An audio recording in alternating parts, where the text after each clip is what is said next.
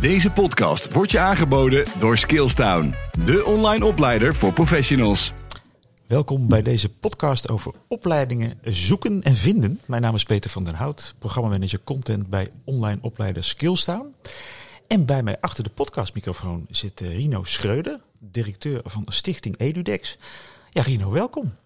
Dank je voor de uitnodiging, eh, Peter. En misschien voor degene die het nog niet kent, misschien, of, of het wel een beetje kent, maar niet precies wat jullie doen. Ja, wat, wat is Edudex eigenlijk?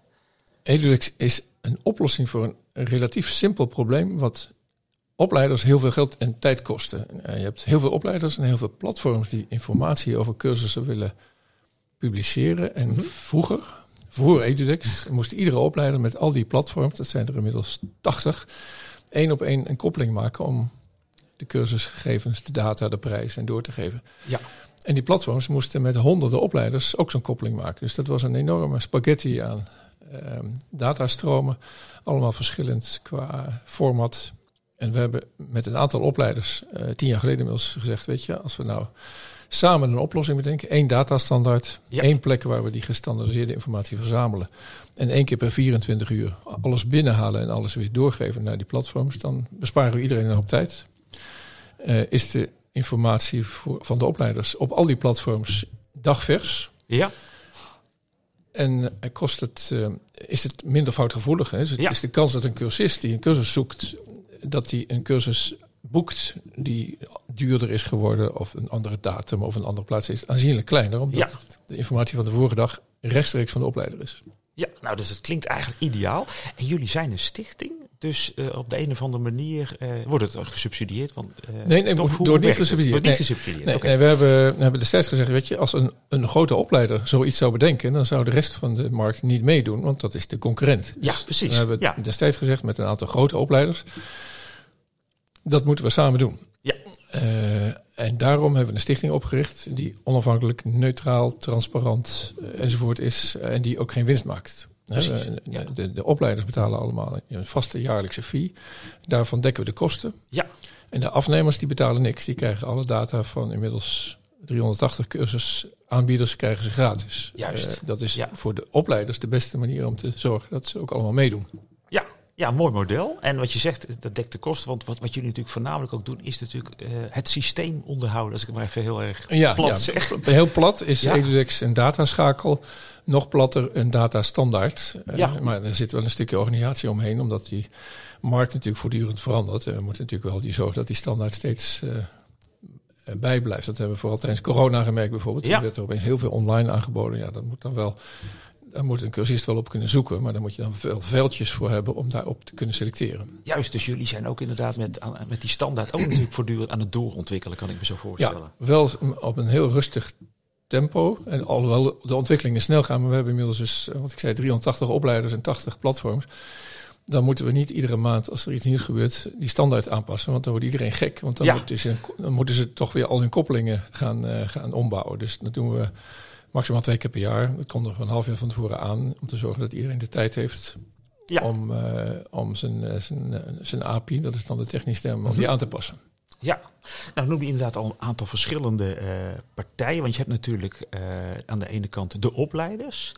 Je hebt natuurlijk de gebruikers, de, de afnemers neem ik aan. En dan, ik zag ook op jullie website dat je het ook over ketenpartners. Dus misschien kan je die, de structuur een beetje uitleggen van die verschillende partijen die erbij betrokken zijn. nou, een opleiders, denk ik, voor, hè, dat zijn de aanbieders van de cursussen en de trainingen. En, Ja. en de studies ook. Het zijn eh, inmiddels 80% van de universiteiten in Nederland zijn aangesloten. En eh, een, kwart van de ROC's.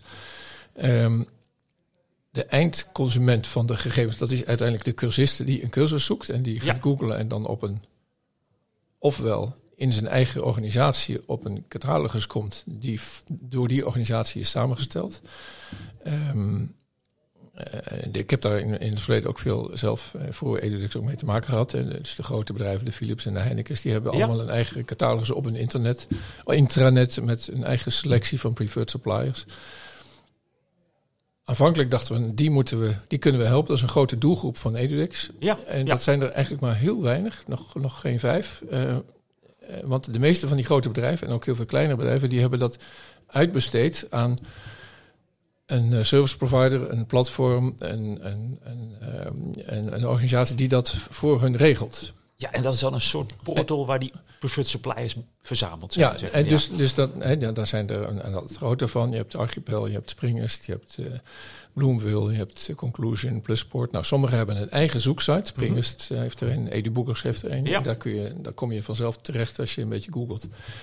Maar die hebben diezelfde gegevens nodig van die opleiders. En voor Edudex is dat neutraal. Het, het maakt ons niet uit wie onze informatie publiceert. We ondertekenen wel een gedragscode. Dat ze netjes ermee omgaan, dat ze geen dingen veranderen of zo. Ja, Eh, maar in principe zijn ehm, de meeste grote bedrijven hebben die catalogusfunctie, maar vaak ook veel meer eh, activiteiten van de opleidingsafdeling. Hele administratieve afhandelingen, het boeken, de Ja. betalingen, hebben ze allemaal uitbesteed aan bedrijven die dat voor hun doen. Ja. Zodat zij zich met opleiden en met beleid kunnen bezighouden. ja, Met andere woorden, dus die hele cluster bedrijven die daar een rol in speelt, die noemen we ketenpartners. Want dat zijn clubs die heel veel, eh, voor heel veel klanten en ook voor hun eigen site informatie van Elix gebruiken. Dus Ja. daar hebben we een veel dicht, hechtere relatie mee, partners. ja, eh, omdat die eh, doorgaans ook wat beter IT thuis zijn. ja. Dus eh, ook wat gerichtere vragen stellen over als onze site, als onze datamodel bijvoorbeeld niet helemaal aansluit bij de praktijk of andere dingen, dingen die, waarvan ze zeggen, daar hebben we last van of het zou handiger kunnen. Ja. Dus met die ketenpartners hebben we apart overleg, ook één, twee keer per jaar, om te, om te overleggen waar we mee bezig zijn met de ontwikkeling, maar wat zij ook voor wensen hebben. Ja, precies. Die helpen jullie wat dat betreft ook weer het doorontwikkelen Ja, komen met, exact, met eh, idee. Heel duidelijk. Eh, en je gaf het inderdaad net al aan. Het is, het is, het is, nog veel breder. Het is niet alleen inderdaad eh organisatie, maar het, het- bijvoorbeeld ook scholieren. Die kunnen, want je gaf net ook al aan, eh, universiteiten. die kunnen ook terecht bij bijvoorbeeld, ik ken eh 1, 2, 3 studeren. dat zijn, daar komen de gegevens ook allemaal via Edudex. Of, Nou, nee, dat niet. Ehm, heel veel ketenpartners, of de meeste ketenpartners zijn wel aangesloten bij EduX, maar hebben vaak ook voor deel uit het verleden, voor deel by choice, hebben ze ook nog wel een eigen ingang. Dus je kunt bij heel veel van die ketenpartners ook rechtstreeks wel informatie aanleveren. Ja. Dat is voor EduX neutraal. Als je een opleidingsinstituut hebt en je wilt het rechtstreeks bij een van die partijen aanleveren, nou, eh, dat kan natuurlijk dat altijd. kan- Ook, kan ja, altijd. Ja, zijn eigen keuze. de, ja. de, de, de, de belofte van Edudex is, eh, als je twee of drie van die portals hebt, ja, dan moet je dat drie keer doen. ja, En als je het bij, als je bij bent, dan hoeft je het maar één keer te doen. En wij zorgen dan vervolgens voor de doorvertaling naar die portals.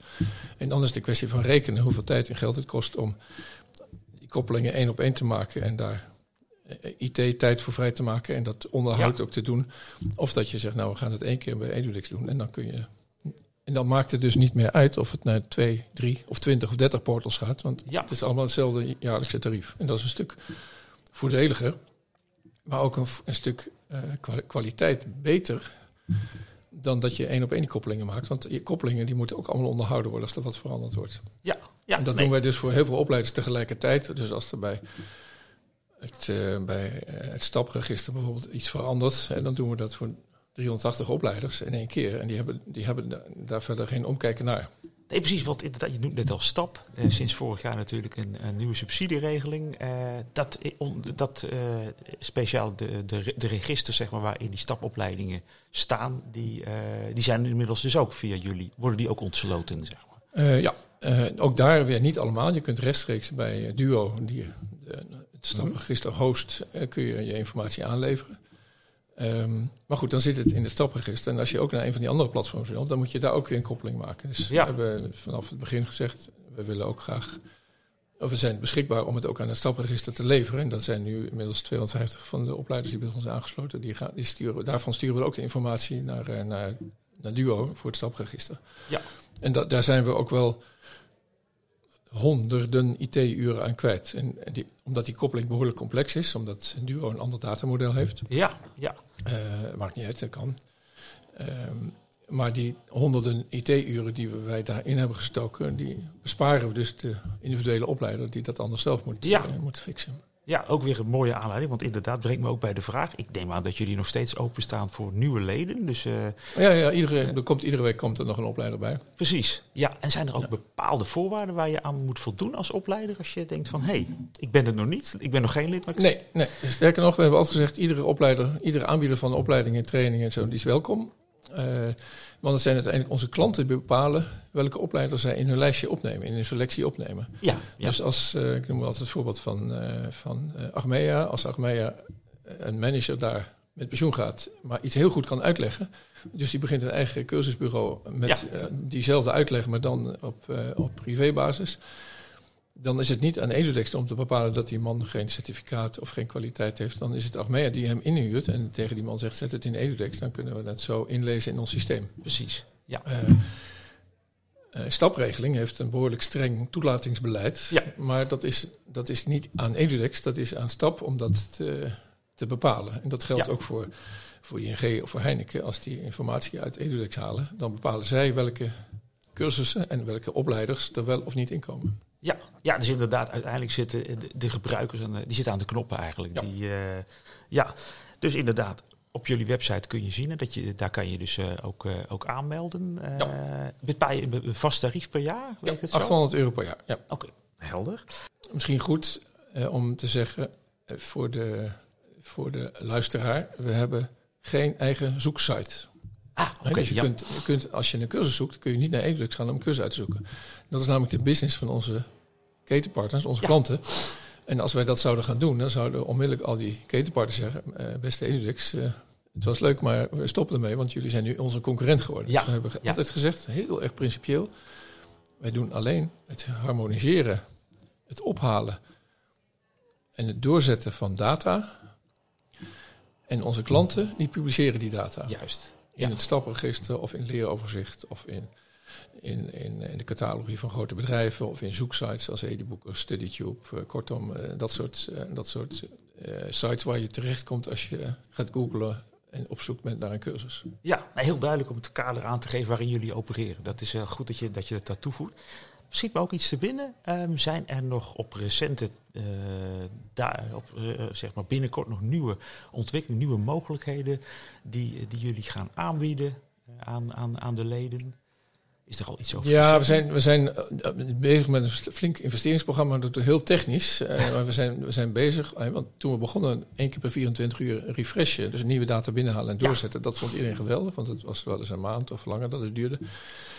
Tien jaar verder zegt iedereen, kan het niet eh, bijna real time. Nou, dat, dat, dat wordt wel een hele uitdaging. Maar we gaan er wel naartoe dat je op aanvraag vaker per dag data kunt aanleveren. En ook vaker per dag kunt uitlezen.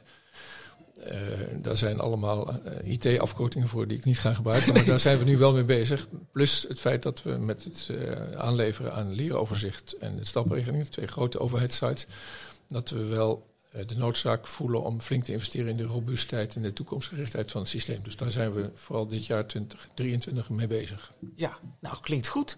Rino, heel veel succes daarmee. Heel erg bedankt dat jij dit, eh, deze toelichting hebt kunnen geven. Dankjewel voor je, voor je belangstelling. Ja, dankjewel. Oké. Deze podcast wordt je aangeboden door Skillstown, de online opleider voor professionals.